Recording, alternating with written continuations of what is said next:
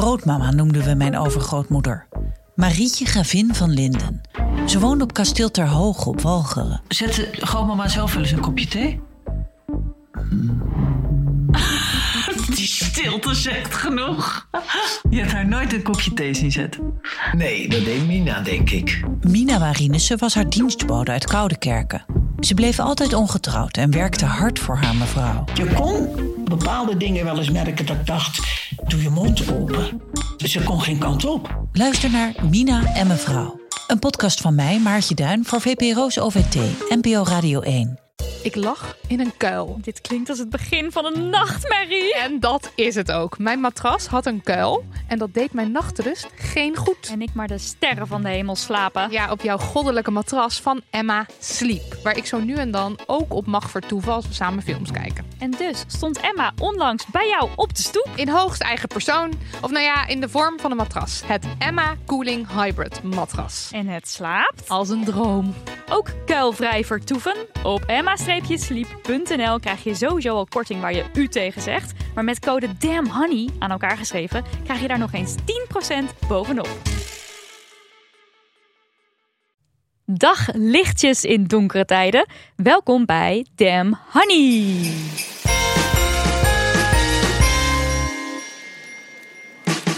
De podcast over shit waar je als vrouw van deze tijd mee moet dealen. Mijn naam is Nidia. En ik ben Marilotte. En dit is de Very Special Feestdagen Special. Miep, miep, miep. Weet ik veel. Er zit al een ja. heel mooi Ja, dat kerststikkeltje is onder. waar. Ik hoef helemaal niet miep miep te zeggen. Want ik, normaal denk je dat voegt wat toe, maar dat is helemaal Het niet. voegt niks toe. Hey mensen, it's the most wonderful time of the year. Eh, of ligt dat een tikje genuanceerder? Voor de een vormen de feestdagen daadwerkelijk een feestje. Voor de ander is het de hel. Jazeker. Eh kerstborrels op werk, familiebijeenkomsten, urenlange diners met allerhande gangen en kleine bestekjes, oud en nieuw feestjes. Ze komen met de nodige haken en ogen. Alle dingen waar je in het dagelijks leven tegenaan loopt lijken drie dubbel zo groot te worden tijdens de feestdagen. Maar ontspan die kaak. Adem in en uit. Want wij bieden hulp. Ja, in deze aflevering bespreken we feestdagenvragen en dilemma's van onze lieve luisteraars. En dat doen we, godzijdank, niet alleen, maar met hulp van twee geweldig mooie mensen die jullie gaan voorzien van een dosis geruststelling en nieuwe perspectieven. Nou, ster nummer 1 is eh, dichter des vaderlands. Onze dichter des vaderlands. Al haar werk raakt ons recht in het hart. En eh, wat zijn we blij dat je hier vandaag aan wil schuiven. Het is Bab Schons. Hallo. Ja, dankjewel. Oh, heerlijk dat je er bent. Ja, heel fijn om hier te zijn ook. En dan hebben we nog een tweede ster. Een ster die mensen misschien al kunnen kennen. Onze steun en toeverlaat, onze rots in de branding. Hij is cultuurvlogger, of eigenlijk de cultuurvlogger. En je kunt hem kennen van de zalige podcasts Allereerste Dingen en Dingedang. Ja, ja. En eigenlijk nog 3000 andere podcasts, geloof ik. Maar goed, dat terzijde. En of je kent hem natuurlijk van onze zomeraflevering over muzen en mythen Mathilde Willink. Het is Marco Dreyer. Hallo. De enige echte. Mensen, hoe ziet jullie december eruit? Ja.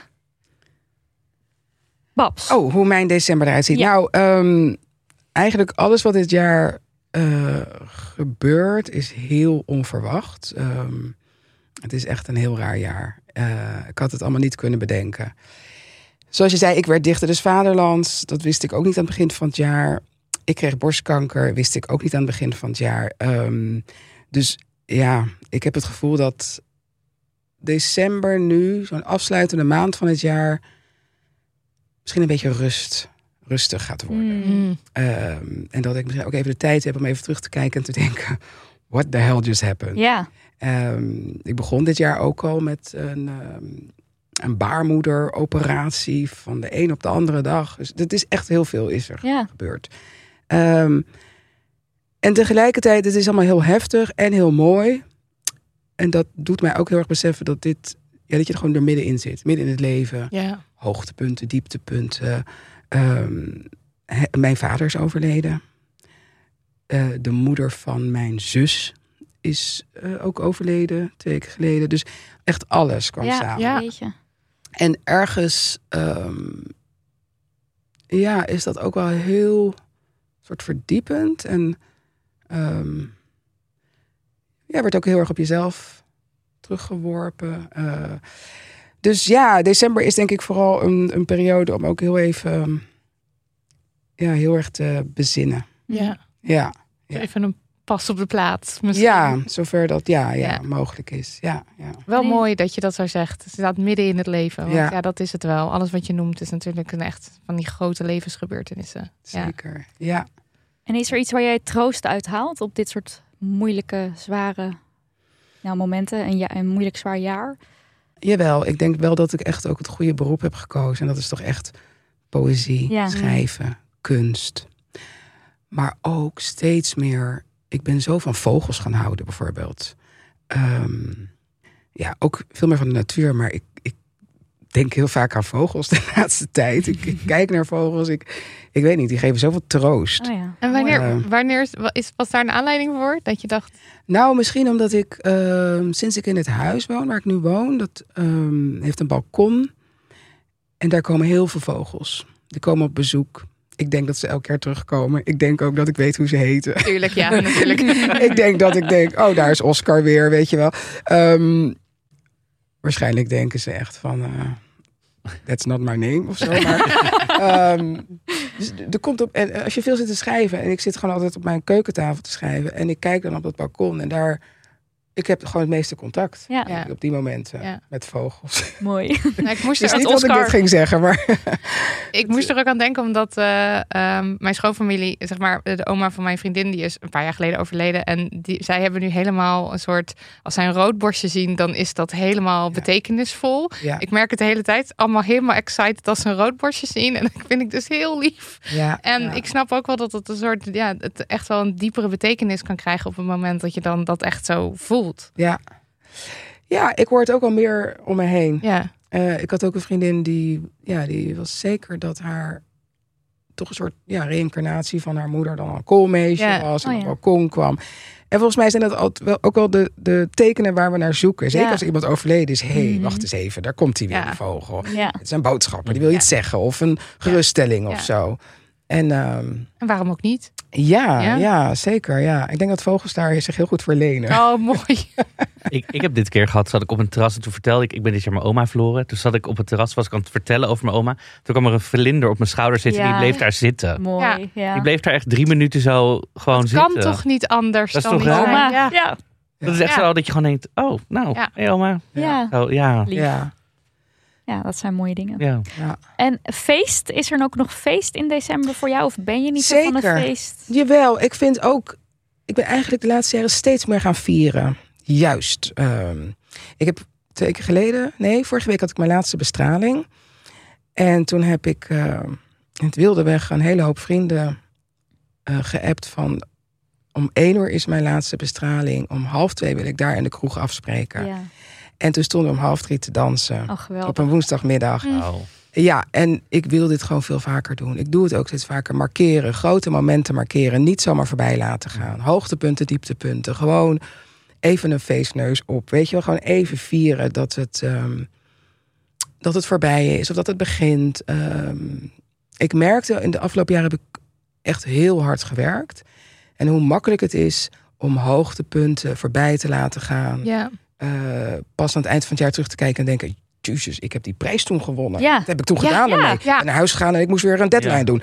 Of jeetje, er is dit gebeurd en zo. En eh, dat wil ik niet meer. Nee. Dus alleen met het oog op de feestdagen, daar heb ik dan weer iets minder mee. Ik heb sowieso iets minder mee met de verplichte dingen of zo. Mhm. Ik kan ook een beetje een soort rebels gevoel krijgen van oké, nu moet het een soort vrede op aarde vieren en dan met in, een- in, in bepaalde huiselijke kringen en dan heb je misschien weer een familie waar dat weer niet lekker mee gaat of dan ja, ik vind het lastig omdat het Mhm. dan een beetje een soort gedwongen voelt. Ja. Dus ik wil het daar nooit af van laten afhangen. Ik ben ook heel slecht met cadeautjes geven als iemand jarig is, maar wel gewoon op een dinsdag in september met een cadeautje voor de deur te staan. Ja, of Ja. zo. ja, ja, ja. ja, want je ziet iets en je denkt aan diegene en dan denk je, Ja. ik koop het nu. In plaats van Ja. op, een, op een verplicht moment zoals En dan moet je Ja. opeens wat, wat willen kopen en dan kom je niets tegen. En dan. Ja. heb je maar sok of zo. Dan denk je, oh ja, hier. hier. Ja, Ja. precies. Ja. En ook leuk is als je op een echt leuk cadeau tegenkomt. Dat je denkt, ja, Ja. geef het dan. Ja, en het hele ding van ik dacht aan jou. Eh, Niet, Ja. op- niet omdat je jarig, omdat je toevallig zoveel jaar geleden geboren bent. Ja. Ook fijn natuurlijk als mensen voor je verjaardag gaan je denken. Maar op zomaar een moment is het misschien nog wel bijzonder. Ja, Eh, Marco, Marco. December. Ja, nou, mijn december begint ieder jaar met mijn verjaardag. Want ik ben jarig op 1 Ja. december. Meteen En feest. Meteen feest. En ik moet zeggen, normaal ben ik eigenlijk altijd iemand die dan in september gaat het, of augustus gaat het echt al kriebelen. denk ik, oh, komt eraan. Wat moet ik, wat moet in ik, augustus. ga ja, echt, echt al heel snel ga ik zo bij mensen, weet je dat ik jarig ben. En dit jaar voor het eerst had ik daar helemaal nog geen last van. Dacht ik echt, zelfs oktober, november dacht ik, toen heb ik echt, toen ik eigenlijk dacht ik, nee, ik ga gewoon thuis. En toen dacht ik, de dag van tevoren dacht ik, nee, ik wil toch niet alleen zijn. Dat voelt dan, ja, nee, wat je zei, dacht ik, ga toch niet Toch alleen zijn. gaan, Toen heb ik ja. toch gewoon een hele klein, klein groepje int, eh, van intimie. eh Lydia Marilotte onder andere gevraagd van... ik- Ik ben gewoon thuis. De deur is open. Wie welkom is, eh, kom gewoon lekker langs. Dus, Ik ehm, vond het ook heel goed van jou dat je zei: ik mag niet alleen zijn van mezelf op mijn verjaardag. Dat Ja. zei je. En dat is gewoon denk ik heel goed dat je dat, je dat als een soort voorwaarde stelt. Ja, want eerst dacht ik, oh lekker. Dat ik Nee. denk, denk toch dat ik Ja. uit, achteraf ga denken, oh, Ja. Toch een beetje toch een beetje Ja. moi of zo. Ja. En uiteindelijk was het echt een hele leuke dag. En iedereen, de hele dag heb ik gewoon dingen gedaan met vrienden. Die eigenlijk allemaal op de dag soort van, oh zullen we dan nu? Dat ik dacht, oh, oh leuk. Let's do it. Ja. nul verwachtingen en dan Ja. gebeuren allemaal leuke dingen. Dus het was heel fijn. En dit jaar, ook met alles wat er in de wereld Hmm. gebeurt, vind ik er echt een soort, soort de- demping op december zit. Ik heb helemaal geen zin om leuk en gezellig. En, eh, dus de, helemaal december ben ik een beetje in een soort... Ja, ik, het komt er allemaal aan. Ik bedoel, het is al, maar ja. voel hem helemaal niet of zo. Het komt gewoon als een soort golf over ons heen. Maar Ja. het, is, het, het is ook niet echt te stoppen dat Mensen het straks er is. Het is zo gek, want het moment, ik denk als ik jarig was geweest op 30 november, dat ik heel makkelijk mijn verjaardag altijd ieder jaar had kunnen vieren. Maar omdat ik 1 december, Ja. het moment dat het december is, Ja, is zijn mensen in een totale paniek. Of nou, Ja. sommige mensen, niet iedereen. Ik Sommige zeker. mensen, allemaal etentjes, borrels, kerstborrels, afsluitingen, deadlines, weet ik. Mensen zijn gewoon in een soort, eh denken december, ik heb nergens Stress, ja. stress. Terwijl ik denk, ja, het zijn maar gewoon dagen. Dagen, ja. Ja, zo, Heb- zo zit ik erin. Hebben jullie ook dat je dan, als je dan weer uitgenodigd wordt voor iets, dat je dan denkt, nee, doe maar januari. Doe maar alles, doe maar alles in februari. Maar dat willen mensen dan nooit, want ze willen alles in december doen. ja. Nou, ik heb dat heel erg. Ik zei laatst tegen mijn zusje van...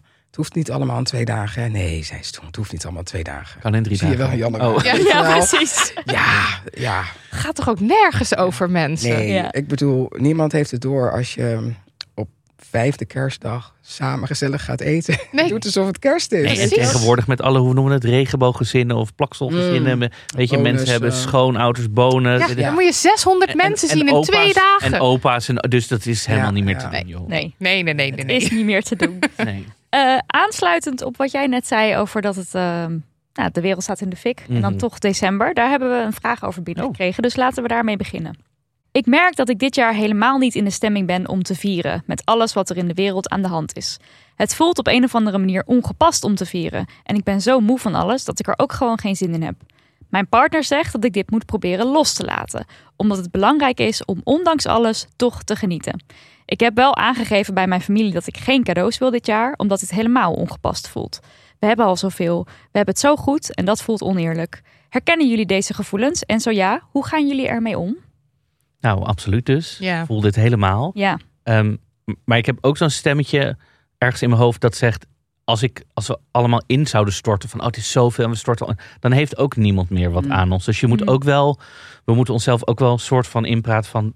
We gaan er weer voor of zo. En dan heb je wel dit soort dagen ook nodig. Maar voor mij klinkt het heel gepast dat je dan zegt... Goh, ik wil geen cadeaus... Maar ik ga toch gezellig met mensen dan iets doen of zo. Dus dat je het een beetje afweegt. Ja. Ja, ik dacht ook, je kan het ook integreren. Hè? Eh, geef het een plek binnen een viering. ja, En ik dacht zelf van, weet je wel, maak een mooi verhaal. Lees gedichten van Palestijnse, van Congolezen, van Soedanese dichters voor aan elkaar. Eh, verzamel wat in. Hè? Doneer. Ik weet dat mijn stiefvader vroeger altijd zei, als wij zeiden van, oh zielig, eh zagen kindertjes op televisie die zielig. En zei hij, oh ja, vind je het zielig? Nou weet je wat, dit zakgeld storten we dan ehm, op het fonds ehm, voor UNICEF of zo.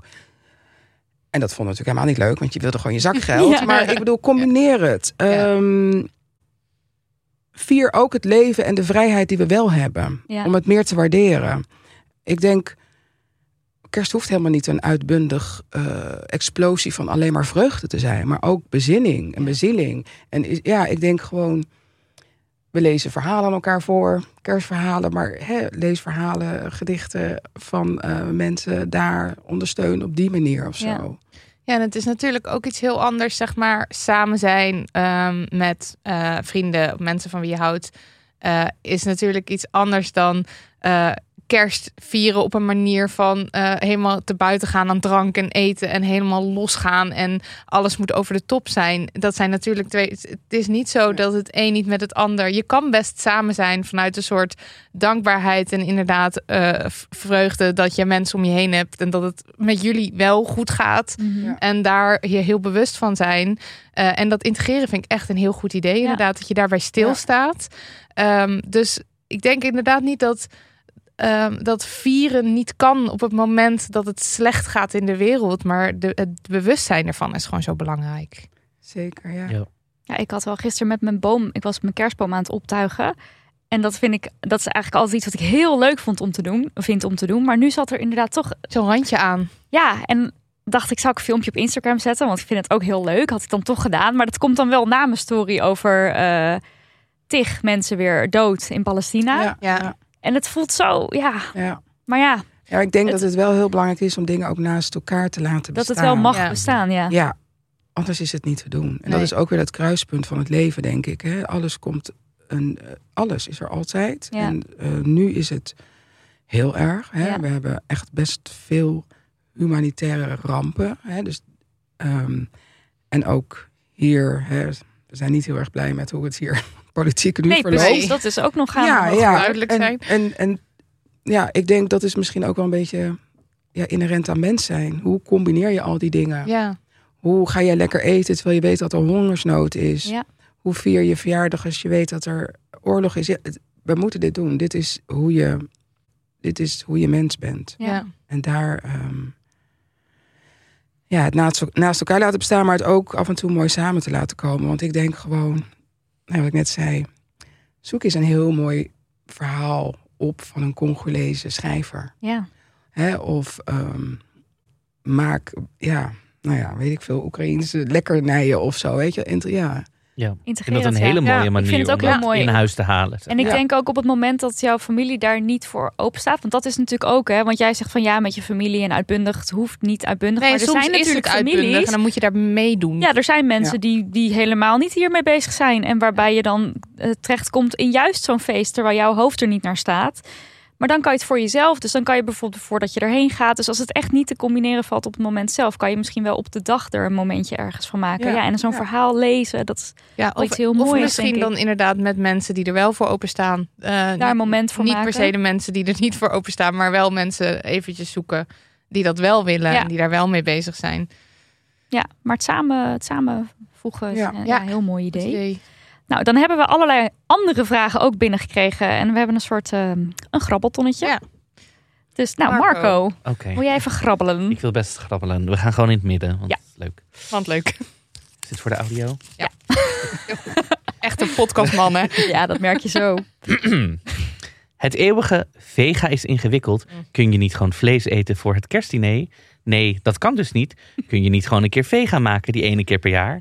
Maar dan op zo'n manier te bespreken dat het ook nog gezellig blijft. Want het moet vooral Gezellig, gezellig zijn. Ja. Ehm, nou, wat mijn moeder altijd heel leuk doet. Ik probeer nu al een aantal jaar in ieder geval minder vlees te eten. Dat laat ik ook weten. En de afgelopen twee keer gingen we of gourmetten. Of dat het met Sinterklaas of weet ik van. Gingen we gourmetten. Het zei moeder, oh ik weet dat jij minder vlees wil eten. Dus ik heb voor jou kip gehaald. Dit was ja, mijn ja, moeder. ja, ja. En toen dacht ik, mam.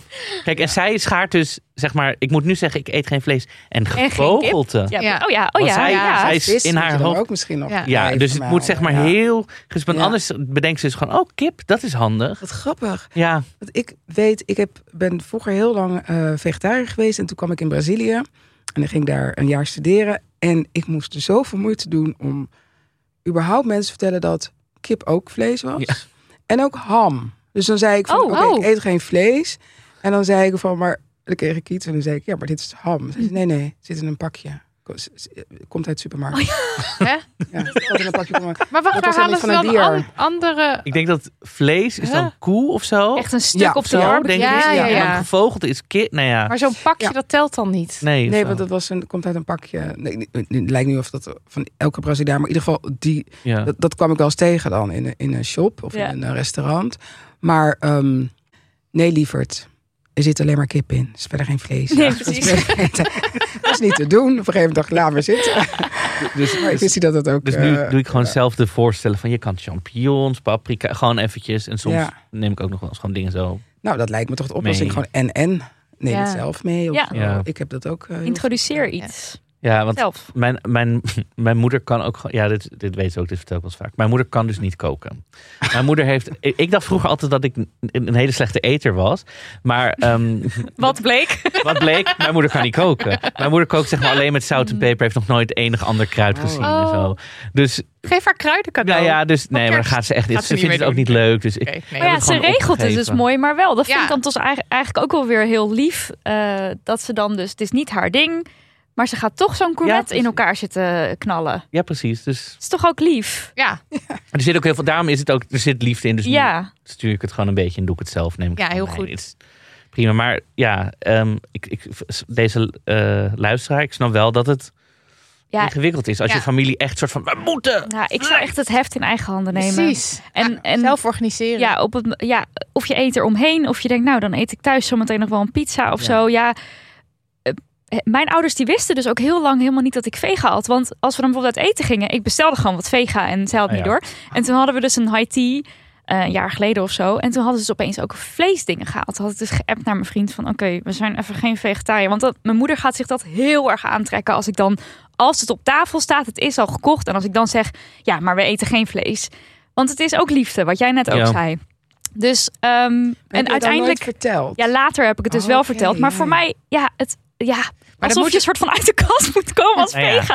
Maar Ja, jij moet ik dat heb er ook gewoon niet- nooit over nagedacht dat ik dat moet vertellen. Want voor mij was dat zo, ja, soort logisch op een gegeven moment. En als we uit eten gingen, dan, wat ook niet heel vaak is, maar dan zorgde ik gewoon dat ik vega had. En als ik bij hun eh, ging lunchen en we aten een broodje of zo, nou, dan had ik gewoon niet het vlees wat op tafel stond. Dus zij wisten het ook gewoon niet. En jij moet het ook niet vertellen op het moment suprême als je moeder dat net op nee, tafel want dan heeft voelt ze zich dus heel, schuldig, erg. want ze wil heel goed voor je zorgen. Dus Dat zeg maar, aardig. op het moment zelf is misschien niet altijd het beste Nee. moment. En, nou, het kan ook zijn dat mensen het gewoon heel moeilijk vinden. Want ze doen elk jaar hetzelfde. En ze hebben elk jaar die rosbief of what, ja, whatever. Wat maken mensen? Hazenpeper. Hazenpeper. Gevulde kalkoen, toch? Dat- Gevulde kalkoen. dat, dat is toch denk iemand in de stress schiet. Van ja, Ja. maar oké, maar ik weet niet wat ik dan moet maken... wat dan wel een beetje chic of feestelijk voelt. Ja. Dus neem zelf eh, initiatief. Zeg, ik neem lekker dit mee.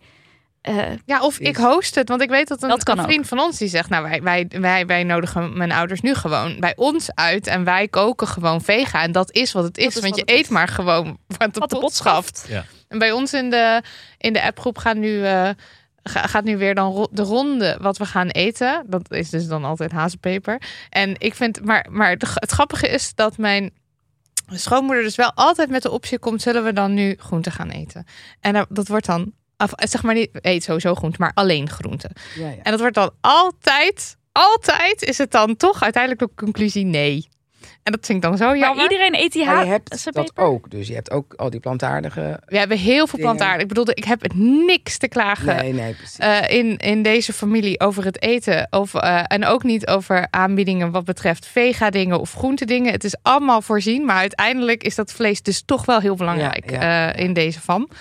Ehm, en ik vind het dus zelf ook heel lastig om er nee tegen te zeggen. Want ik vind vlees heel ik kan me lekker. herinneren dat je dat vorig jaar volgens mij ook Oh mijn god, ja, ik heb Ja. dat altijd. Ik, en het is, voor mij is, bij, is kerst bijna een soort van even een pauzemoment in. Ik ben altijd heel erg bezig met eh, zo min mogelijk vlees eten. En eh, eh, ook echt wel die, die keuzes daarin maken. Maar met kerst vind ik dat zo moeilijk. Echt waar. Dat is dan toch oké? Ja, Precies. Als je jezelf dat, ook. gewoon permitteert. Precies. En- Ja. ja. Maar goed, hè. En je de kan ook nog zeggen tegen de schoonfam... en komt dan wel van een fijne, fijne slager. Ja, of- nou, dat is, mee, dat is daar meestal... letten zij ook wel op. letten Maar daar- daar kan je ook nog over Precies, ja. communiceren met mensen. En ik kan er gewoon over praten. Het is gewoon fijn als je het er even over kan hebben met mensen. Ja. ja. Deze aflevering wordt gesponsord door Triodos Bank, een van de duurzaamste banken ter wereld. Waar je niet alleen je geld, je spaargeld, fossielvrij kunt stallen, maar ook kunt beleggen. Al meer dan 25 jaar investeert Triodos Bank beleggingsgeld in meer biodiversiteit, kansengelijkheid en schone energie. En dat beleggen bij Triodos is niet alleen weggelegd voor mensen die 24/7 op de hoogte zijn van de aandelenkoersen. Want via een Triodos beleggingsfonds beleg je je geld automatisch gespreid. En zo wet je dus niet op één paard en loop je minder risico om een deel van je geld te verliezen. Een absolute basisregel heb ik mij laten vertellen door mijn vader. En uh, als het om verantwoordelijk beleggen gaat dan, hè? De beleggingsexperts van Triodos hebben kennis over sectoren, landen en natuurlijk duurzaam beleggen. Die kennis zetten zij in om jouw beleggingsgeld heel zorgvuldig te investeren in partijen die positieve impact maken en een goed rendement kunnen opleveren. Ook fijn voor de beginnende belegger, zoals ik. Je kan automatisch maandelijks beleggen en starten met kleine bedragen. En via de app kan je al je beleggingen in de gaten houden. Triodos laat je direct de positieve impact van je beleggingen zien. Bijvoorbeeld hoeveel microfinancieringen jij mogelijk maakt. En dat zijn kleine leningen die vooral aan vrouwen in opkomende economieën worden verstrekt. Microkrediet geeft hen de mogelijkheid om zelfstandig te ondernemen, waardoor de positie van vrouwen in deze landen sterk verbetert. En dat is top. Dat is top. Wel even iets om goed in gedachten te houden ja. als je aan het beleggen slaat. Het brengt risico's en kosten met zich mee. Je kunt je inleg of een deel daarvan verliezen. Dus beleg echt alleen als je voldoende spaargeld hebt en met geld dat je niet op de korte termijn nodig hebt. Start met beleggen als je voldoende spaargeld hebt voor een fossielvrije toekomst bij Triodos Bank. Via de app open je eenvoudig een beleggersrekening. Als je voor 21 januari 2024 in een van de Triodos fondsen belegt, betaal je geen aankoopkosten bij eenmalige transacties. En normaal is dat 0,4%. Benieuwd wat Triodos Bank wel en niet financiert? Of hoe Triodos een fossielvrije economie stimuleert? Ontdek het via triodos.nl slash honey. Oké, okay, Babs, wil je grabbelen? Ja. oh ja. Heel goed. Even een beetje frummelen. Oh, even mijn leesbril op. Familie is lief, maar elk jaar is wel weer iemand ernstig of gewoon ziek of overleden. Kerst is dus de realisatie van gemis. Maar de jongere generatie blijft dapper vieren en we nodigen breed uit. Welkome herberggevoel. Ja, ja, mooi. Ja, dus wat is eigenlijk dan de vraag hier? Ik denk dat het meer een soort overpeinzing is ja. over de kerst, over de feestdagen. Ja. ja, en jij zei net, eh, Marco, want jouw oma is dus ook mhm. overleden. Was oma altijd onderdeel van jullie kerstviering? En mijn oma zat al zeven jaar op een uh, dementerende afdeling in een mhm. verzorgingstehuis. Dus we gingen daar ook wel langs. Maar ik moet zeggen, volgens mij niet eens op de kerstdagen, maar gewoon meer rond. Ja, voor haar maakt het ook niet meer uit. We hadden ook in juni mhm. kunnen zeggen: het is kerst, dan maakt het ook niet meer. Nee, maar uh, ook daarvoor, kijk, mijn oma, mijn opa en oma woonden in dezelfde straat als mijn ouders. Heel. Dus ik ben opgegroeid met hun aan de overkant. Dus ik was niet alleen, ik was eigenlijk zo'n beetje al elke dag bij hun. Dus het was, ze waren alleen maar een paar dagen met een kerstboom er extra bij of zo. Dus ze waren altijd onderdeel, maar niet. We gingen wel met kerst, dan gingen we eerst cadeautjes thuis doen en dan liepen we naar de overkant. Gingen we daar weer cadeautjes doen. Zo, dus het was wel, wel samenkomen, ja. Maar niet, niet soort heel speciaal van... Dus het is voor jou niet, je gaat niet de kerst in met het gevoel van, oh, en dan is oma er dus niet. Wat normaal Nee. wel altijd. Oké, ja. Nee, want dat, dat heb ik meer op andere momenten of zo. Als ik bijvoorbeeld. ehm, ik had bijvoorbeeld met werk. Ik, een van mijn favoriete dingen altijd om te doen was dat ik. Had ik iets met werk om te doen. Of dan had ik weer. eh, nou ja, een nieuwe podcast of iets. En dan wist ik altijd. Oh, dan ga ik nu even naar oma. Ga ik dat vertellen. vertellen. Ja, ja, ja. En nu was ik dan Dan ergens. Dacht ik. Oh, nu kan ik het niet vertellen. Dus ik heb dat meer op dat soort momenten. Ja, Dat ik dacht ja. met kerst. Oh, oma is er nu niet. Of Ja. zo. Nee. En is er iets wat je dan doet? Zeg maar, als je op die momenten dat je denkt, oh, nu zou ik het dan aan oma vertellen. Huilen. Oh. Eh, ik ben echt een enorme jankenpoep. Maar dat vind ik helemaal niet erg. Want dan, dan komt het gewoon en dan laat ik het Ja. gewoon even uit. En eh, ja, dat eigenlijk gewoon. Meestal voel ik het dan opkomen en dan even zo. En dan of ik doe een nummertje ergens aan of zo. En dan even, even een paar minuten en dan is het ook weer. ja. Dan heb ik het even gevoeld. Ik laat het altijd wel toe of zo. Dan denk ik, nou dan is het er. En dan, ja. ja. Ja, wij hebben de oma van Cato dus aan, aan onze, een, foto van haar aan de muur hangen. En daar staat ze op. Nee, zit ze in haar stoel en daar staat ze zwaaiend op. En dan soms, op sommige momenten zwaaien wij dan zo terug. Ja, iemand onderdeel. Wij hebben ook bij mijn ouders thuis hebben, staan ook altijd foto's van mensen Ja. die overleden zijn, maar die zijn ook al tien jaar geleden of al langer overleden, maar die zijn gewoon onderdeel van het huishouden. Ja. En dat is met kerst. Of nou, je hoeft natuurlijk niet per se, want ik zeg nu dat het kerst, maar any feestdag Ja. dag natuurlijk. Of misschien wel... kan het goed zijn om mensen wel erbij te houden. Ja, of misschien wel op het moment zeg maar dat het nieuwe jaar begint. Ik vind het ook altijd heel raar om te bedenken. In Ja. dit jaar was iemand er Ja. nog en dit Ja. is een dit, dit volgende jaar is iemand er Ja. niet meer. Het is altijd Ja. zo'n moment. Ik heb wel ook, eh, ik, mijn oma heeft, die sprak vroeger wel eens mijn voicemails in van mijn telefoon. Die heb ik Ja. nog. Dus dat kan je terug. Dus ik kan nog steeds naar mijn oma luisteren af Ja. en toe. Dat, dat geeft ook af en toe wel echt een heel warm gevoel. Ja, Ja. Ja, ik denk dat. Zie naar mij kijken? iedereen kijkt. Ehm, iedereen. nee, ik zat even, oh, ja, even over na te denken. Ik denk, ik denk kerst is inderdaad wel zo'n moment waarin je gemis voelt. Hè? Zeker als je altijd een, een, ja, als er mensen ontbreken aan de tafel. Maar ik merk dat ik zelf altijd wel zo eind december in zo'n bui kom om terug te kijken, Hmm. een klein verslagje te schrijven of een beetje een soort eh, dagboek. En dat je dan ehm, een beetje de balans opmaakt. Ja, Ja, maar ik heb ook wel gemerkt dat het soms veel langer duurt. Dat, hè, dat ik misschien pas ergens in augustus voel wie er dit jaar echt zijn ontvallen of zo. Hè. Ehm, maar ja, goed, ik denk dat het heel erg. Het is toch iets als de eindejaars blues, denk ik altijd. Een beetje gloomy. En dan, ja, is echt zo'n balans opmaken van het jaar. Ja, een soort bittersweet-achtig. Ja, ja. Maar ja, eigenlijk is dat wat ik net al vertelde, dat je zo. Ja, ik, ik denk dat ik ook nog aan moet gaan staan, weet je wel, van oké, er is zoveel gebeurd en Ja. dit, eh, mensen zijn ontvallen, dingen, delen in mijn lichaam zijn verwijderd, eh, weet je wel, er is gewoon heel veel. Aan de hand. Ja, Ja. maar goed, dat, dat komt dan in stukjes zo binnen. Ja. En dan, ehm, ja, weet je, ik denk ook weer rouwen hè, om mensen, om niet alleen om mensen, maar ook om dingen die je kon doen of hè, wie je Ja. was. ja. Eh, dat, dat, dat komt er geleidelijk in. En dat Ja. gaat ook hand in hand met feest en plezier en alles weer, weet je wel. Het is echt, ehm, dat is denk ik ook de enige manier waarop je het, Het draaglijk kan maken of Ja. zo, waarop je kan leven. ja, Dat dat vieren en rouwen een soort van eigenlijk hand in hand gaan Ja, met elkaar. ja. ja. vieren, rouwen, afscheid nemen, nieuwe mensen begroeten, ontmoeten, weet je wel, alles. Alles gewoon op die hoop. En de ene dag is het meer aan die kant en dan is het weer aan die kant. En dat is denk ik gewoon heel mooi. En ik Ja. vind het ook altijd fijn, zoals met mijn opa en oma, dan denk ik liever na over alle kersten die we wel samen ja hebben dat is gehad. ook mooi. Ja. In plaats van echt te focussen, oh nu zijn ze er niet. Ja. Terwijl, Ja.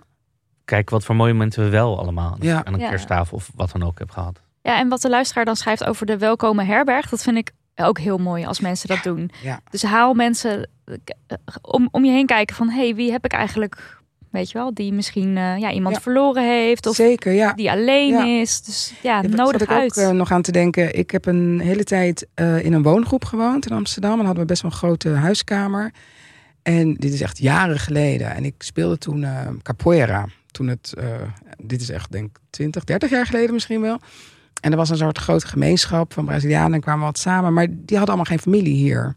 Dus toen deed ik altijd kerstfeesten voor mensen zonder familie hier. Ja, mooi. Ja, leuk. En het was echt zo leuk. Ja. De hele, het hele huis zat vol en we deden de Polonaise en weet ik wat allemaal.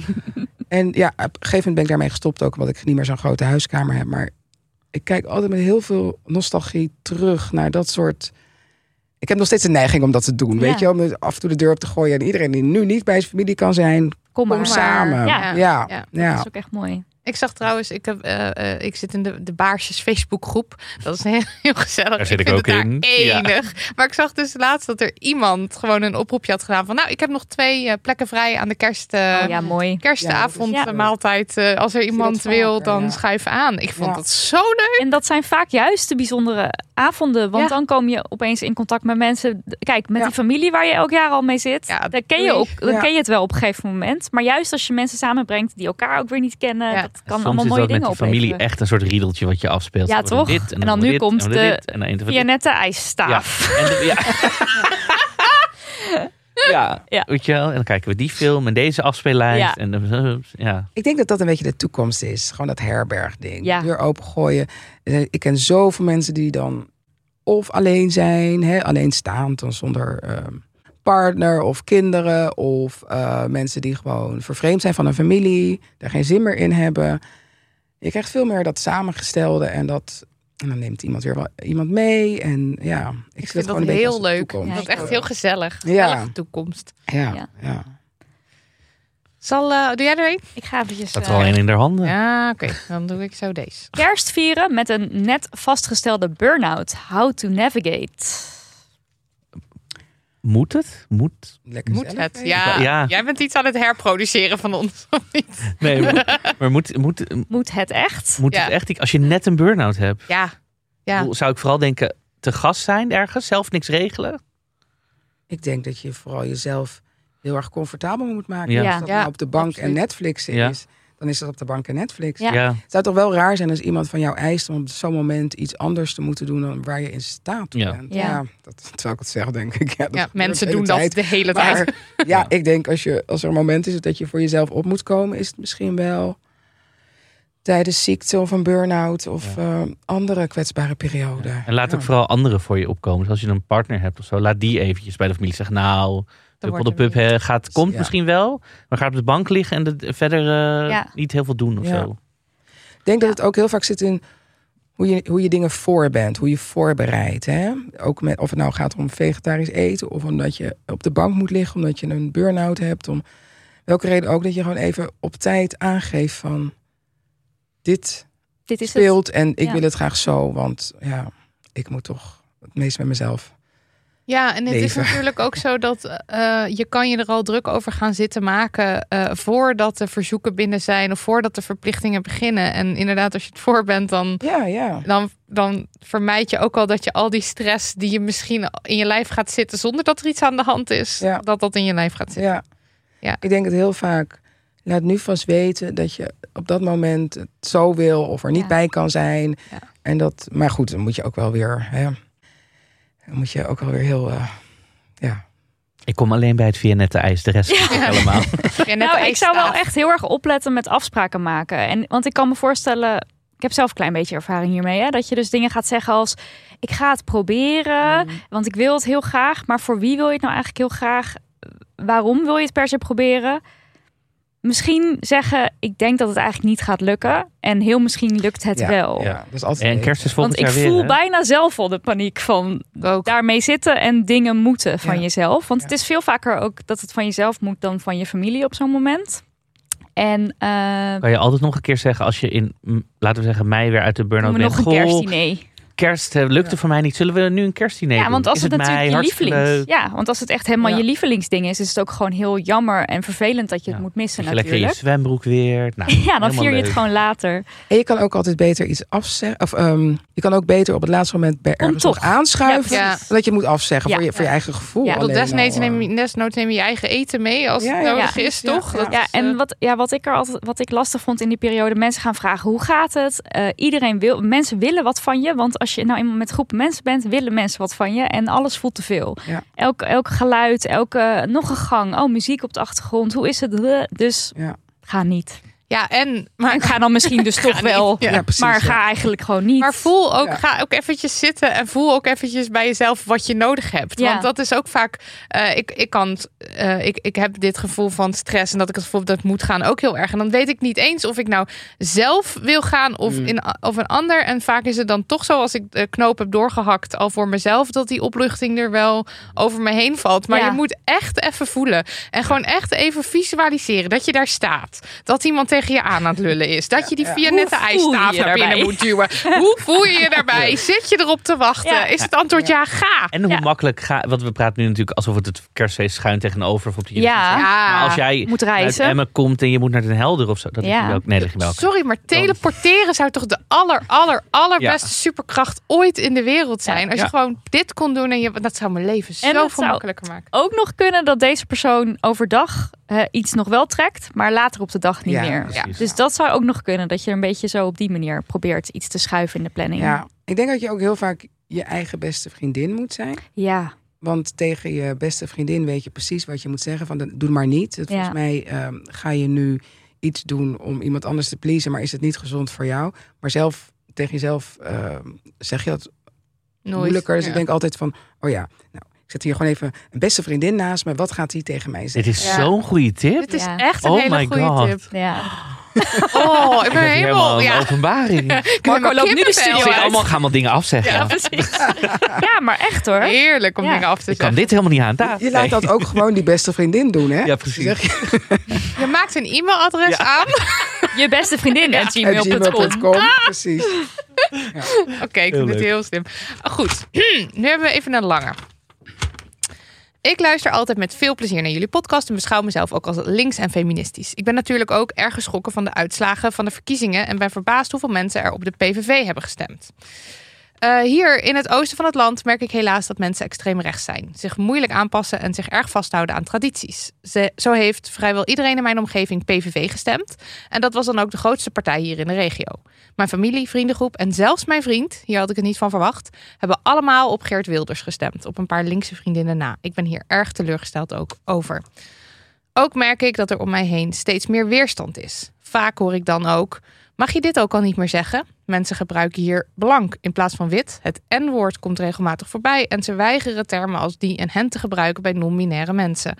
Ook wordt homo hier nog vaak als scheldwoord gebruikt. Waar jullie in de Randstad, geloof ik, al een stuk verder zijn, heb ik het idee dat we hier 50 jaar terug in de tijd leven.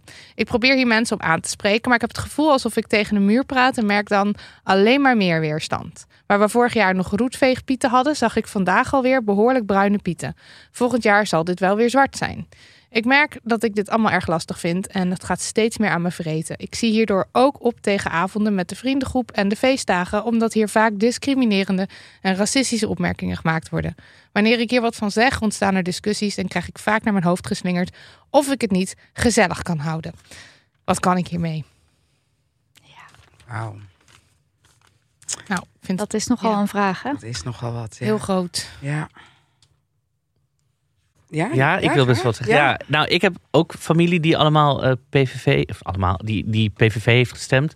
En eh, die wonen gewoon in Amsterdam, dus ook hier in de Randstad. Precies, eh, dat is ter, Goed om duidelijking. meteen even Ja, En also- doorprikken. Ik zag ergens zwarte pieten in een etalage hier in de Randstad. ja dus, het, Dus het is gewoon aan dus de hand. er zijn er echt wel. En Tuurlijk, racisme. ik kom uit is Amsterdam Noord everywhere. en dat is ook echt een PVV. Daar zijn echt volkswijken waar gewoon Ja. mensen ehm, nog PVV stemmen en, en gewoon heel veel zorgen, quote unquote, hebben over de, de samenleving. Mhm. En wat ik nu doe, want het is wel familie die ik niet echt weg kan duwen. Of dat ik zeg, nou, dan heb ik er maar geen contact meer mee. Dat is, dat, dat is gewoon niet zulke familie.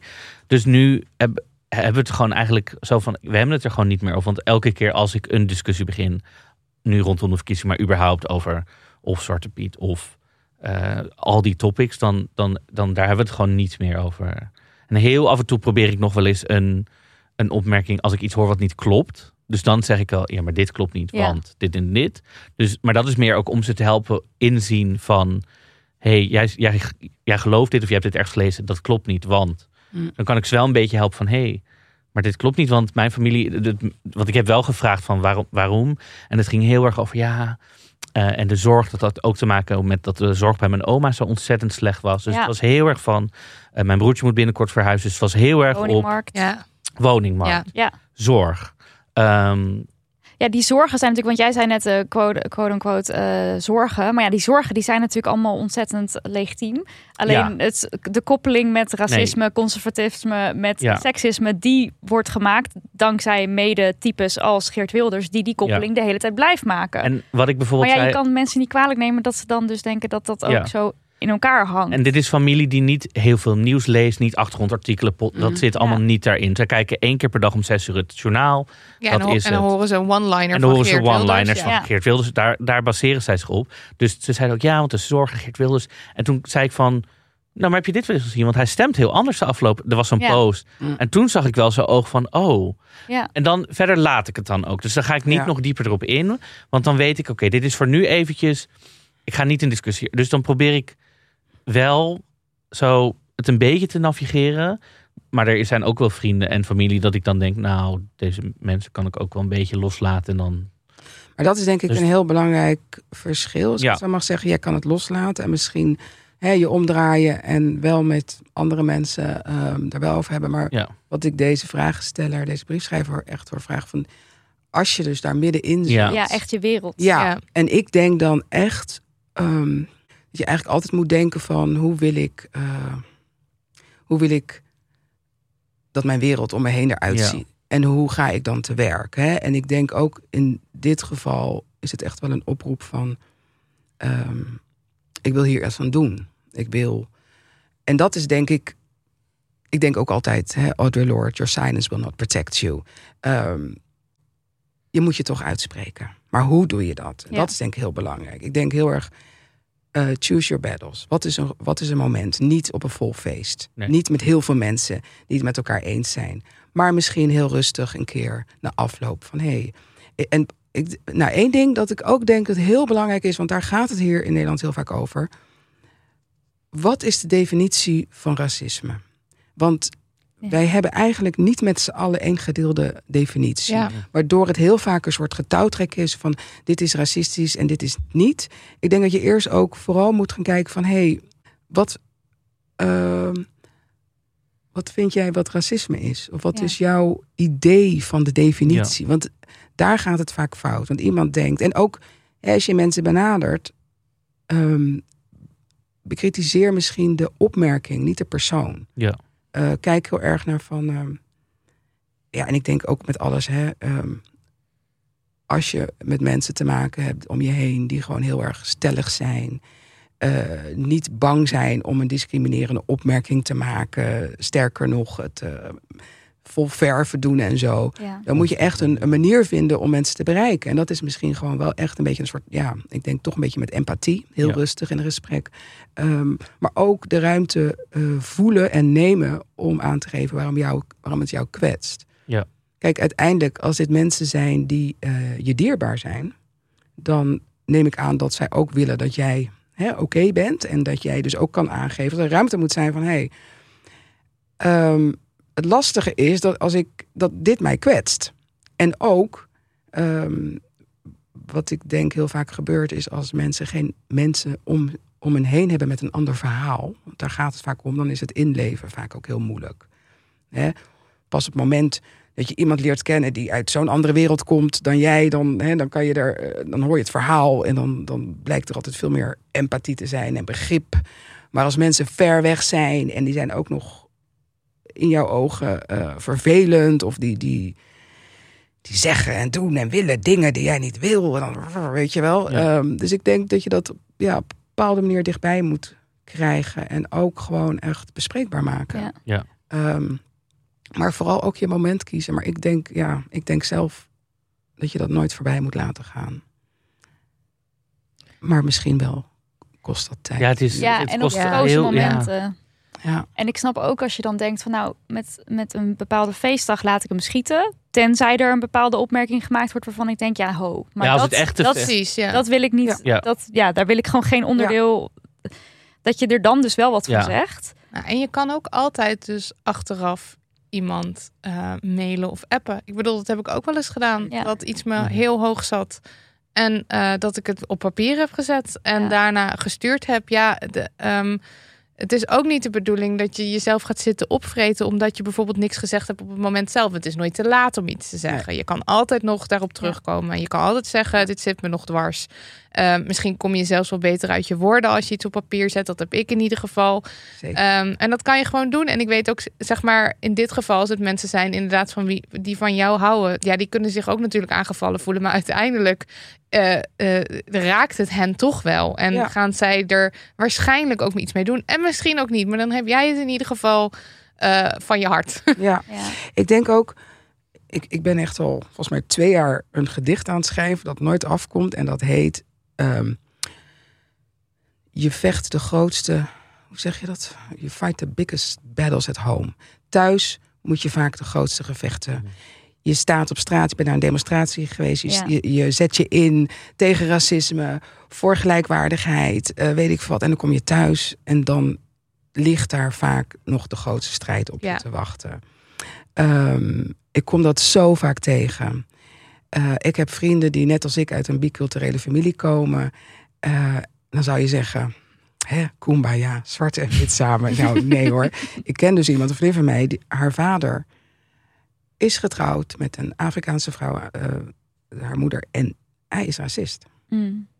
Hij is openlijk racist. Ik Ja. bedoel, hoe, doe, hoe, deel je daarmee? Dan kan Ja. je hè, in de wereld kan je bewegen. Je kan je ontzettend inzetten ehm, voor alles waar je voor staat. En dan kom je thuis en dan heb je dit. Ja. Ehm, en dat is denk ik wat we niet moeten vergeten. Dat daar ligt vaak de grootste strijd. Ja. Juist daar waar je geliefd bent. Weet je wel, waar de mensen die ertoe doen voor je zijn. Er is, en dat is gewoon een hele moeilijke strijd. Ja. En dat is moeilijker, denk ik, dan... ehm, Ja, met je een bordje in de menigte de gaan A12 staan. gaan staan ja, en weet ik absoluut. wat allemaal. En, Maar daar word je omgeven door me, met Medestanders. medestanders die allemaal... precies. Dan voel je die energie en dan denk je, Ja, ja, we gaan er ja. samen voor. En dan thuis Ja. is dat dan veel minder. En daarom denk ik ook dat dat gewoon heel veel aandacht behoeft. En dat je daar gewoon heel, ja, ook met, met, met veel, ja, rustig, met aandacht te werk moet gaan. Ja. Het gesprek aangaan. Ehm, ik heb er eigenlijk een gedicht over. Oh Ja. ja, graag. Heel graag. Eh, dus eigenlijk het enige wat ik daarop kan zeggen is dit. Het komt uit eh, Doe het toch maar. Het doe het toch maar. Het is een beetje lang, maar je mag Nee, alsjeblieft. Mm. Ja. Doe het toch maar. Zeg dat maar tegen jezelf op die momenten dat je niet meer weet waarvoor je het doet. Waarom je telkens weer uit protest de straat op gaat, je keer op keer het gesprek aangaat, je wilt mengen in het debat om het te benoemen, aan te kaarten te strijden. Doe het toch maar. Zeg dat maar tegen jezelf als je ziet hoe de grapjes en het wegwuiven, de spottende blikken, de beledigingen hun sporen achterlaten op je ziel, op je welzijn. Doe het toch maar. Ook als er apengeluiden klinken, je wordt beschimpt en gekleineerd, constant belachelijk wordt gemaakt en je veiligheid voortdurend op het spel staat omdat ze je tot in je eigen huis intimideren. Als je wordt verteld dat je maar moet zitten, je mond moet houden en nederig moet zijn. Doe het toch maar. Ook als de verleiding soms groot om je stil te houden, om je te schikken. Omdat nooit iedereen hetzelfde recht zal hebben om comfortabel in het eigen lichaam, huis of in het land te zijn. En wat is het dan waard? Blijf het maar doen. Ook al ben je zo moe.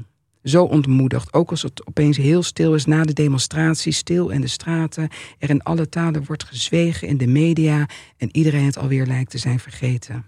Doe het toch maar. Ook al blijft het onderwerp veranderen, je afleiden, je verleiden tot ongewilde uitspraken, geven je van alles de schuld. Blijf toch af van onze tradities, verpest toch niet onze feestjes. Doe het toch maar. Ook al drukken moeders je op het hart om toch vooral geen aanleiding te geven. Zeggen vaders dat je gewoon maar twee keer zo hard je best moet doen. Zeggen vrienden laat nou maar om te voorkomen dat anderen het misschien wel pijnlijk vinden dat jij je zo nodig moet roeren. Doe het toch maar. Ook als ze blijven zeggen dat het hier Amerika niet is. Dat het hier niet zo erg is. Dat je anders maar moet ophoepelen naar een eigen land. Doe het toch maar. Ook op die momenten dat je denkt dat niemand je ziet. Blijf het doen. Roer je. Kom opdagen, maak een vuist, laat je horen, vertel ze. Vertel de verhalen, want iemand zal luisteren. Iemand zal je begrijpen, doe het toch. Maar blijf herhalen wat je gisteren zei. Zeg vandaag weer wat je morgen ook weer herhaalt. Doe het toch maar. Ook al moet je nog honderd keer de straat op gaan, microfoons pakken, aanschuiven aan tafels, steeds weer opnieuw uitleggen wat zo helder lijkt. Blijf het maar doen. Want je weet ook dat er anders nooit iets zal veranderen en dat dit de enige manier is op een dag wakker te worden en te ontdekken dat de wereld beter past om jouw lichaam. Dus doe het toch maar. Recht in het hart. Ja, Ja. maar echt. Het is prachtig. Marco Klap. Ja. Dankjewel. Ja, dit is Echt precies, dit is het. Dit Ja, is eigenlijk dit is wat ik er. Het is gewoon Ja. eindeloos, eindeloos door toch maar. En, Ja. die, en die herhalingen. Want inderdaad, de ja, uitspreken tijdens één kerstdiner... of niet tijdens een kerstdiner, maar op één moment... dat gaat, dat, het blijft gewoon de hele tijd Nee, want het is terugkomen. structureel. Dus Ja. het is niet... Ja. Ik bedoel, Gaat niet in het zou waanzinnig zijn als jij op tafel zegt... nou, goh, dit zou anders moeten dan de rest van de familie zegt... Oh, Oh, oké. Wauw, dat zou Ja, eh, en waanzinnig soms zijn. gebeurt het wel. Ja. Ik heb het zelf een keertje meegemaakt. Ehm, ik heb, ik heb een, een broertje. Ik heb witte eh, broers en zussen en zwarte broers en zussen. ik heb ehm, eh, ja, samengestelde gezin. En mijn broertje zei, nou, dit is denk ik een jaar of zeven, acht geleden. Die zei toen een keertje zo blank. En ik zei, blank? Waarom zeg je eigenlijk blank? En toen zei hij, nou, wat is er dan mis mee?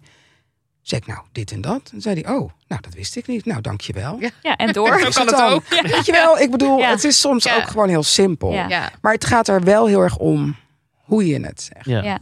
Maar dit heb ik of ook je wel de eens. tijd neemt om te zeggen van... hé, hey, kijk, misschien eh, hè, lees dit eens. Of eh, hier en Zuid-Afrika en er, rustig voor gaat zitten. Ehm, maar wederom gewoon de opmerking het idee bekritiseren of, of bevragen vooral. Waarom zeg je Ja. dat? Ja. Voel je daar fijn bij? Heb je enig idee? Weet je misschien ook dat, er, dat dit de connotatie is? Ja. Weet ook dat als jij het N-woord zegt, moet je zelf weten, maar dat je wel de kwaliteit van het contact wat hè, Wat we beïnvloedt. Ja. Ja. Want als jij mij op die manier benadert, ehm, wij gaan geen vrienden worden. Mm, Sterker nog. ja. Ja. En als jij ervoor open staat, ehm, neem ik misschien, als ik daar zin in heb, de tijd om je uit te leggen waarom ik dat zo kwetsend vind of zo. Weet je wel? Maar, Ja. En dat heb je ook niet altijd. Dus sommige mensen denk je ook van nou, wat je zegt, maybe it's a lost case. Jij wilt het heel graag, je wil heel graag provoceren. Doe lekker. Ja. Ik moet er niet aan denken om op zo'n manier met mensen om te gaan, weet je. Het is ook, ehm, ja. Nou goed, dat zei ik. Ja. Ja. Nee, maar het is voor mij ook zo vaak gebeurd dat iemand mij iets, dat ik waarschijnlijk iets zei wat niet, wat anders moet. En dat iemand zei, oh, maar dit en dit. Dat ik dacht, oh, oké, nou, doe ik dat. Nou, Precies, En- ja. precies, ja. Want zo leren, ja, dat En soms is het denk gewoon. ik ook, ja, eh, de- eh, hoe komt kennis tot je? Som, ik weet Door soms dingen echt heel erg niet. Nee, nee. Maar ja, het, soms ja, door te luisteren, maar het is ook soms weet ik echt Nee. iets niet. En dan denk ik, maar hoe had ik dit moeten weten? Het lijkt soms echt algemene kennis voor iedereen en dan weet ik dat niet. Ehm, dat maar is ook oké, hè? Gewoon Ja. fouten mogen maken. Nou, precies. En als het inderdaad leren. meer is Ja. uit een soort, oké, ik wist het niet. En, nou ja, goede bedoelingen en goede bedoelingen, daar kan je ook van alles van vinden. Maar het gaat ook over de energie eromheen Ja. en of je, of je, of iemand wil. Ja. En, en eh, ja. Zeker, ja. En ik denk ook, kijk, taal is gewoon heel belangrijk daarin. En nou ja, ik, hè, taal is ook wel echt mijn ding. Ik, ik vind dat heel interessant. Maar ik heb zelf ook altijd het idee van, oké, eigenlijk pak je elke dag taal op. En kijk je wat, wat schort er aan. Wat is niet meer bruikbaar? Wat moet weg? Ehm, ik heb zelfs gisteren een post gezet of een story op eh, Instagram. Waarin ik het eh, boek van iemand wilde aanprijzen. Maar later zag ik pas dat ik daar een fout in heb gemaakt. Een grammaticale fout. Mhm. Ehm, en toen dacht ik, oh jee, ik moet het weghalen. Want ik had, ik had gezegd van eh, hun maken al heel lang mooi werk. Maar dat klopt niet. Hun maakt. Ehm, dat wist ik eigenlijk niet. Eh, ik had eigenlijk het beste. Ik heb een zoon van 16. Die, die update zichzelf constant hè, qua taal. Die weten dat feilloos, Ja. weet je wel. Ehm, en dan ben ik toch weer een oude generatie. Dan even niet weet. En ik heb het niet opgezocht. Ehm, en toen dacht ik, oh ja, ik kan het nu weghalen. Maar goed, oké, ik maak een fout. Eh, volgende keer weer niet. eh, Dan, dan weet ik dat. Maar dat, daar moet ook ruimte voor zijn. Maar wat ik zei is dat die taal gewoon... Het, ja, alles zit in de taal. Ook hoe we met elkaar spreken. eh, hoe we de taal willen. En ehm, dat is eigenlijk bijna iets wat je dagelijks doet.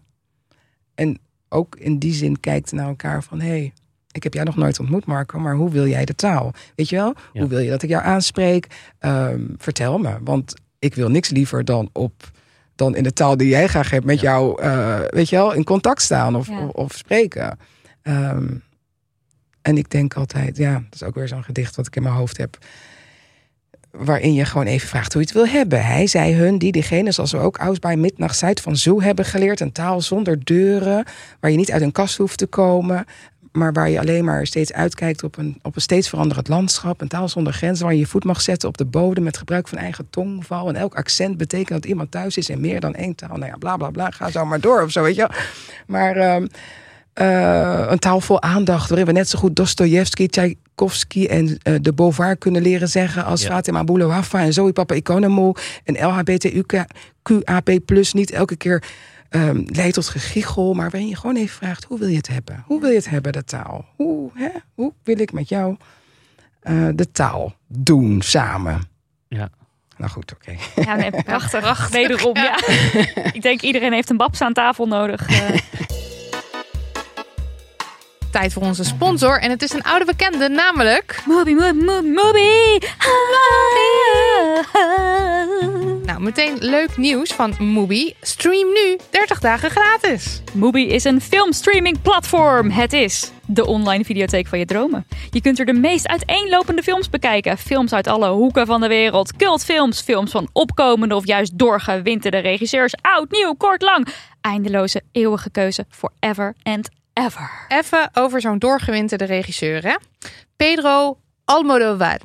Een Spaanse regisseur die ik vooral ken van al die films met Penelope Cruz. Ja, ik, Ja. Ken, ik, ken, zo, ik ken hem ook wel. Maar Ja. heeft hij een nieuwe dan? Ja, hij heeft een nieuwe. En niet met Penelope, maar wel met Pedro Pascal en Ethan Hawke. En deze film is getiteld Strange Way of Life. Het is een korte queer western over twee cowboys die elkaar 25 jaar na een kortstondige, gepassioneerde, onmogelijke, sexy hot love romance weer terugzien. Ik krijg een beetje Brokeback Mountain vibes. Is dat de juiste richting? Ja, dat is niet toevallig. Eh, want ooit in een ver verleden kreeg Pedro Almodovar het script van Brokeback Mountain aangeboden. Hij bedankte beleefd voor de eer, maar het Ah. verhaal bleef door zijn hoofd spoken.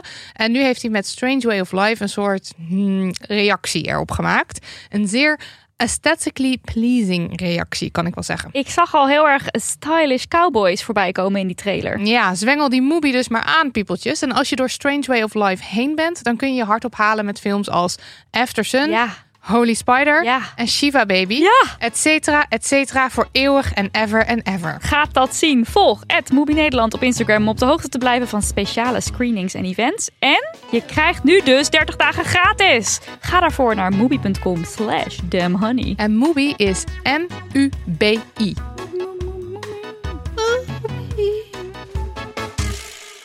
Oké, zullen we nog een paar rapid fire, noem ik het altijd, om onduidelijke redenen. Een soort even een paar wat snellere. Ja, ja. Zal ik Oh, Alle ja. vier even eentje grabbelen en dan eh, een soort korte reactie. Oké, tips voor een racistische oom die graag de discussie aangaat. Vindt hij leuk? Wel aanspreken tijdens kerst en dikke ruzie krijgen of laten gaan? Kijk maar even waar je zin in hebt. En eh, anders, er is nog meer familie, zou ik zeggen. hey, Ja. tante, hoe gaat het met de kat daar thuis eigenlijk zo? Van, Ja, ik vind het ook een beetje gedateerd. Nou, een beetje ophouden met die racistische ooms, toch? Ja, toch? We weten nu toch wel beter. Als je dit, precies dit tegen je oom zegt, ik vind het ook wel een beetje gedateerd. Ja. Dat kan nog niet meer. Ja, Dit is klaar. heb je de memo en dan gewoon. Ja. Neem even een ander persona Ja. aan. nou, dat hebben we Ja, opgelost. Marco. hoe te reageren op je oma die zegt dat je minder moet snoepen omdat je dikke poep krijgt. Dus ik denk dat het een Vlaamse luisteraar is. Een dikke, Een dikke kon. poep, ja. Al dat eten en dan vooral, nu mag het. In januari letten we wel weer op. Ja, Ja. dus fatshaming. In de categorie vetshaming, gedoe met... toch? Ja, ook heel gedateerd. Oma, het Ja. maar, ja. Ik zou Niks gewoon lekkerder dan dikke billen op ja. deze wereld. Waar heb je het over? Nou oma, dat zeggen we tegenwoordig niet meer. Ja. Dan Ja, einde. ja, Heb precies. je nog een koekje? Ja. Heb je nog een Vianetta staaf Heb voor je me? nog een vier- ja. Nou, gewoon zeggen, eh, dit, doe, dit doe ik ook regelmatig bij allerhande familie. Gewoon zeg je, je hebt echt niks te maken met mijn lijf. En, en dat kan op een aardige manier en dat kan op een lullige manier. Maar alleen dat, daar hoef je, hoef je ook verder niet over uit te wijden. Gewoon klaar. Nee, en je kan, ik denk ook altijd, dit is van jou. Ja. Ja. Van mij. Precies. Jij hebt er een probleem mee, geloof ik. Goh, Ja. hoe zit dat? Ja, Waar is het misgegaan? Nee, nou ja, goed. Maar heb je al Ehm, therapie. ja, ja. Maar dat is een hele goede voor de mensen om te onthouden. Het, is, het heeft niks met jou te maken. Nee, het zit nee, allemaal in die ander die Ja. dat projecteert. Nee, en nee. allemaal... En het leuke is dat je op een gegeven moment kan, kan, kan denken ook van, oh, ik kies ik ervoor om dit. Nee, nee, geen zin in. Ik laat hem even. Lekker. Ja, eh, ja. precies. En neem nog een kompoes. Hè? Ja. Ehm, al die nieuwe spullen die we kopen krijgen. Wat is er mis met tweedehands cadeautjes? Er is helemaal niks mis met tweedehands cadeautjes. Nee, zeker al jaren tweedehands cadeautjes. Maar als er in de familie wel neergekeken wordt op tweedehands cadeautjes, dan zou ik zeggen, probeer het in het eetschap te zoeken. Iets wat Tweedehands op... eten. Nee.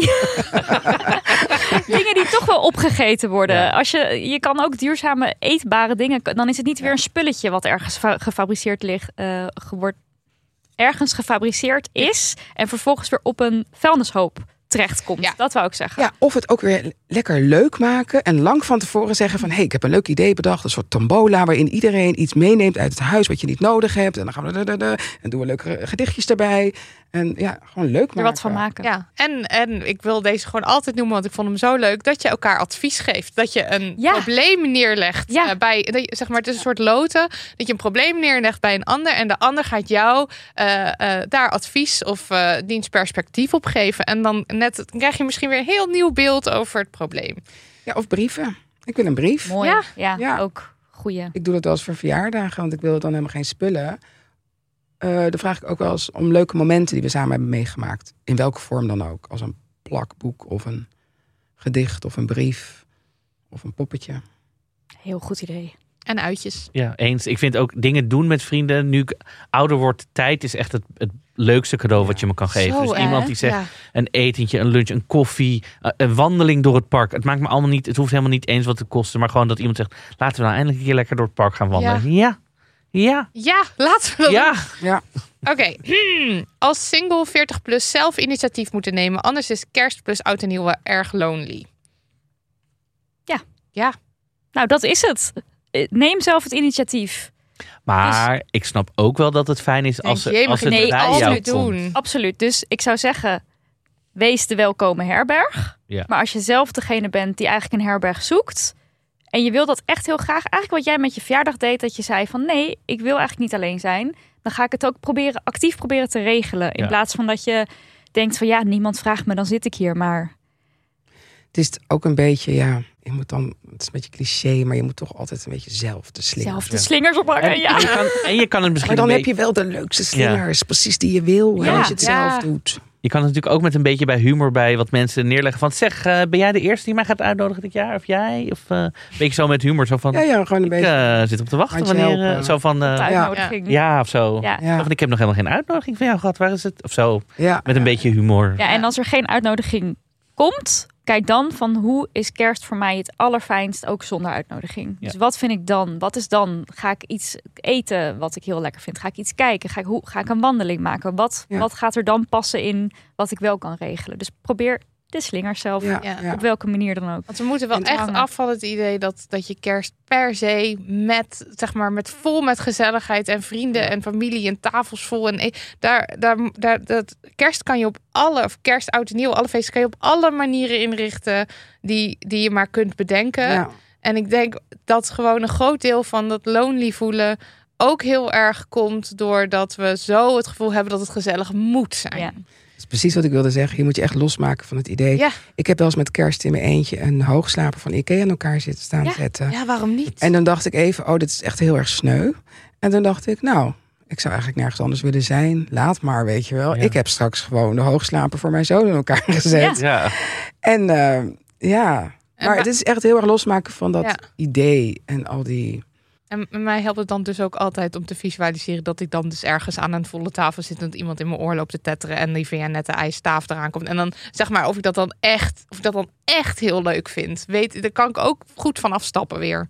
En het is ook, misschien dan nu niet, maar dan de volgende keer wel. Ja, Zo. precies. kan ook. Ja. Komt wel weer. Ja. Ja. er komt wel weer een mooi moment, een leuk moment met andere mensen. ja, en het hangt niet allemaal van deze dagen af. Nee. Waren dat ze? Of, eh, Denk ik. Ja, We hebben, oh, ik heb erin. oh ja.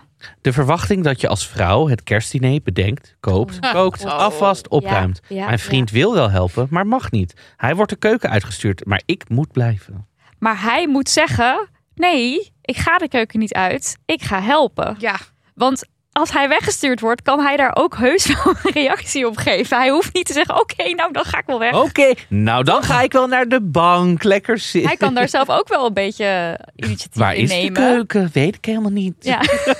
nee, maar en, en, en bespreek dit dus van tevoren Ja. met je vriend, met je partner. Van hallo, oké, ik weet nu al dat dit gaat gebeuren, want ik heb het net door ingestuurd bij Dem Honey, dus ik weet dat dit aan de hand is. Eh, ehm, zullen we even doen dat jij gewoon blijft? Ja. En als dus je partner weigert te helpen, dat je zegt, nou, we gaan nu even zitten en dan gaan we even nadenken, wat gaan we koken? Wat, want ik ga het niet in mijn eentje bedenken, dus het is of we gaan het samen, of het is niet. Ja. Oh, van de domme houden. even- Ik weet niet hoe ik moet koken. Afwassen, dat weet ik allemaal niet meer. Nee, en ook weer hè, een beetje gedateerd. Heel Ja. gedateerd. heel dat is natuurlijk Goed, dat is heel al makkelijk om te zeggen, Ja. want als je, d- dit gebeurt natuurlijk nog steeds heel veel. Ja, mijn ouders, die, nou vooral mijn moeder, die zegt, die elke keer als ze mij en Daniel ziet, zegt ze: Kook jij Daniel? En dan zegt Oh, Daniel: ja. Ja, ik kook al. Ik, Nidia kookt nooit, basically. Lydia zou verhongeren Elke als keer is zij verbaasd. Elke keer weer is zij van: Nou, wat leuk, je hebt gewoon een man die kookt. Nou, wat enig. Sorry, maar hoe denkt zij dat ik en Cato eigenlijk Ja, eh, overleven? Jullie zitten alleen maar te koken voor jullie, elkaar. nee, hoe overleef ik met Ja, een nee, dat is waar. Ja, Ja, Precies, ja, ja. Dat is een probleem. Ja, wij koken de hele tijd voor elkaar. Oh, heel leuk.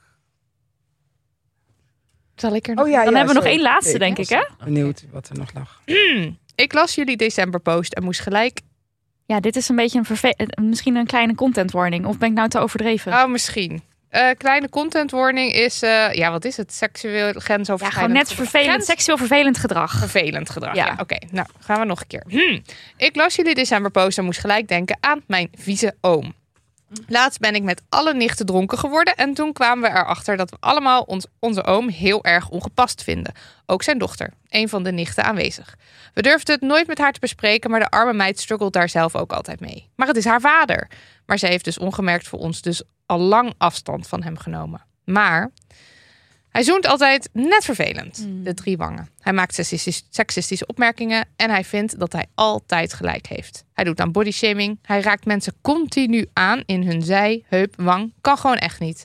Ik ben laatst getrouwd en opeens doet hij dit dus niet meer bij mij, het aanraken. Maar wel zeggen dat hij benieuwd is hoe lang ik mijn trouwjurk nog aan kan. Kunnen we het tegen onze ouders zeggen, a.k.a. de broers en zussen van hem, dat zij met hem kunnen praten? Kunnen we hem, eh, hem gewoon volledig negeren als groep jongeren, de zaakjes? We zijn allemaal tussen de 20 en 30. We hebben een grote, best traditionele familie waarvan de jongeren allemaal wel links en feministisch zijn. Ik vind het eventjes vind het geweldig dat jullie allemaal dronken werden met elkaar en, En dan hierover praten, want dan, dan vind je elkaar Stap gewoon. één. Dat is Ja. stap 1. Ja, zeker. Maar nu moet je het nog tackelen.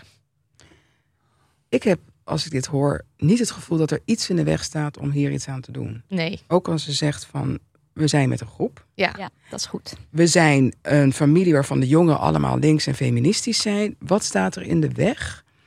Ehm, wat ik ook wel heftig vind, wat ze vertelt, dat eh, degene van wie het vader is, heeft al lang afstand van hem genomen. Ongemerkt. Ja. Ongemerkt. Ja, voor wie ongemerkt? Dat weet ik Ik denk niet. voor de rest Voor van de rest van de. Ja, ja, maar dan moet beetje- er toch misschien ook al een, een, een confrontatie plaats hebben gevonden. Ja, kijk, ik zelf denk in dit geval, het is zo duidelijk, je kan dit zo gezamenlijk eh, bespreken. En ik denk ook, ja, normaliseer dit gedrag niet. Dat, want dat is het vaak, hè? Ja, want ehm, en, en ja, samen sta je sterk om dit aan te kaarten. Ja. Ja, en ook weer, weet je wel, wat rustig. Niet op het moment dat het gebeurt, maar eh, bespreek met de familie. Ehm, Ja, want ik, kan me, ik ben dus ook heel benieuwd wat zijn broers en zussen vinden. Ik kan me dan eigenlijk niet voorstellen dat daar van niemand dan is die ook niet op zijn minst denkt. Nou, Ja, het is Maar heel je- vaak dat mensen zeggen, ja, maar dat is Henk. Ja. Dat is gewoon Henk. ik wilde En geen Henk, naam die zeggen, doet want nou Henk is altijd- altijd de lul Ja. bij Ja, ons. bij ons is altijd Henk de Lul. Sorry dat we altijd diezelfde naam gebruiken, want het kan echt any other naam Ja. zijn. Dat maar is Henk. Wim ik had bedoel, ook Wim kunnen Wim zijn. had het ook kunnen Ja. zijn, maar er is, Ach, soms Wim. zijn er mensen waarvan die, die iedereen de hele tijd maar het hand boven. Ja. Weet je wel, zo van ja, maar hij is nou eenmaal zo. Ja. Hij is nou eenmaal van de racistische grappen en de seks. En hij, ja, die is Ja, altijd met iedereen de. had eigenlijk een vieze oom. Altijd ja. maar ik bedoel, als je alleen. Racistische grappen kan maken, dan ben je dus gewoon niet grappig. Dat is gewoon de clue. Dus als je zoals dit alleen maar gezellig bent als je aan iemand, dan ben je dus gewoon niet gezellig. Nee, maar op het moment dat iedereen dus altijd een beetje meehinnikt, Ja. want zo is Henk nou eenmaal, Ja. dan lijkt, dan scoort Henk er dus toch ook wel mee. Dus op het moment dat dat elke keer afketst, zo van, oh hè, maar er valt niks te halen, want ik word weer, ik krijg Ja. een weerwoord, eh, mensen lopen weg, mensen, dan zal het hopelijk ook stoppen. Ja. En misschien heeft Henk gewoon helemaal niet door, omdat niemand nooit heeft verteld van hé, hey, dit is echt totaal ongewenst. Ja. Ja. Ehm, Zou je dit dan in het, in het echt doen of meer een soort beri- berichtje sturen in een WhatsApp groep? Met al die nichten erin. Weet je, van namens ons. Dat hij ook meteen snapt dat het, of meer wel echt een, in het echt. Ja. Ik zit gewoon te denken, ga je dan, je gaat niet met hem afspreken, neem ik aan, om te zeggen, om dit te vertellen. Ik, ik zeg, want, want, want er wordt hier toch geschreven van, kunnen we dit zeggen tegen eh, zijn broers en zussen?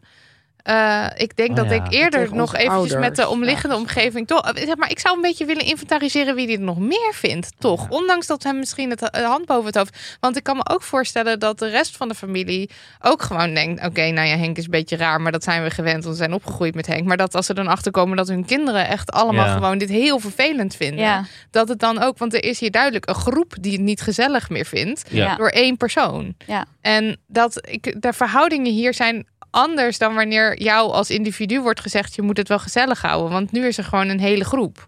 Ik denk dat dat maar was dus, het ook de vraag van kunnen we het aan onze ouders ik, vertellen? Ja. ik, ik heb Ja. het Dat je gevoel daar misschien dat ook dat- moet beginnen. Ja, want Ja. om Henk meteen te confronteren, dat lijkt me gewoon ook lastig. Ja. Terwijl Ja, maar op het moment dat er echt iets op ik- Als er iets ja, gebeurt. ik denk wel van op het moment dat er echt iets in your face of er wordt aan ta- dan wel echt doen we het toch maar. ja, Dus dan wel. Ja. Ja. wel Ja, maar dat is vaak wel heel moeilijk, omdat het dan Ja. misschien een emotioneel moment is. ja, En ehm, dat iemand zich dan op dat moment ook ja, alleen maar heftig Dat- kan reageren. Dan wel. misschien een van die andere nichten dat dan doen. Ja, Die zit niet in het moment. En- Zo. En je kan dus als je zeg je kan maar... het voorbereiden. Ja, Hè, als je al weet van Ja. hé, hey, we gaan weer het kerstdiner hebben. Komen die drie kussen weer? ja, zo? en dat je dan Ja. gewoon zegt van hé, hey, dit wil ik niet. Ik vind het heel erg onprettig. En als, Ja. eh, dat je dat gewoon op een hele rustige... Je, je weet dat het gaat gebeuren. Ja, en het hoeft ook niet altijd, volgens mij hoeft het dus niet altijd tot in het detail te zijn van jij zegt nu dit en dan voel ik dit en ik las dit en dit. Maar het kan soms ook zijn, dat vind ik onprettig dat je dat zegt. Mhm. Of daar wil ik het niet over hebben. Of Ja. gewoon het kort af, meteen duidelijk van ho, hier is voor mij een grens. Ja. Klaar. En het moet toch ook wel echt eh, eh, em- empowering op een bepaalde manier zijn. Dat je weet, zeg maar, je kan van tevoren ook nog eventjes met in het appgroepje elkaar uphypen en zeggen, weet je, Henk gaat ons niet, eh, die gaat we ons- gaan ons niet laten we pakken gaan ons keer. niet mee. Wij gaan, wij gaan hem Henk afkappen en we gaan gewoon zorgen, want dan weet je ook gewoon dat op het moment dat hij iets doet wat jij vervelend vindt en je zegt er wat van, dat er weet ik veel negen mensen achter je staan die allemaal denken yes. En dat is gewoon lekker. Ja. Dus dan Al die kan- an- andere acht gaan het daarna ook nog een keer doen. Nee, ik ja, geef een hand. precies, ja. Nee, Henk, Ja, en iedereen let op Ja. even elkaar. hand geven, Ja. weet je wel, dat gewoon geen manier Nee, is Henk. om... Ja, maar en iedereen Ja. let op elkaar. En dat moet Ja. gewoon, denk ik, Ja. wel prettig zijn. Maar het zou wel mooi zijn als je inderdaad met elkaar dus niet alleen alles gaat ontwijken, maar wel even ook neer kan leggen Ja. van hé, hey, hier zitten wij mee. Dit is heel Ja. vervelend, dit doe je al jaren, maar Ja. Dit is wat het eh, veroorzaakt. Ja. En ehm, ja, hè, bezin u en hou ermee op. Bezin niet. Ja. Ja, maar gewoon wel ook, weet je, weet waarom. Niet dat, dat Henk de volgende keer denkt, ik moet het anders aanpakken of zo. Maar hij moet natuurlijk wel echt, echt het signaal krijgen van, hé, hey, dit, dit, dit is niet, dit, dit accepteren we niet, Nee. dit gedrag. Ja. Maar lastig hoor, ja, jeetje. Kappen, Henk. Hoop dat je luistert. Ja.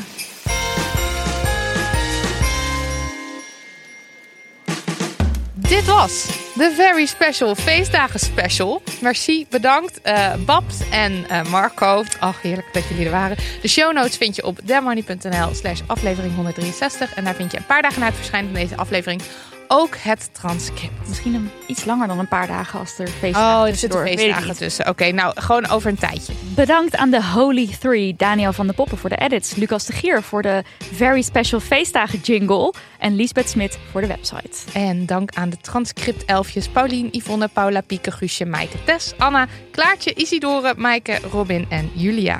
Heb je zin om Love Actually of The Holiday met ons te kijken? Dat kan. Steun ons op petjeaf.com slash damnhoney. En je krijgt toegang tot onze zeer exclusieve bonuspodcast. Je doet het er maar mee. In 2022 keken we The Holiday en namen we onszelf op. Dus dan kan je synchroon met ons deze film kijken en dan hoor je dat gebabbel in je oor. In 2021 deden we dat met Love Actually. Eh, vanaf 1 euro per maand kun je bonusbal worden en dit allemaal luisteren. Ja, is hartstikke gezellig. Maar je kan het ook niet doen. Zelf weten. Happy feestdagen, lieve mensen.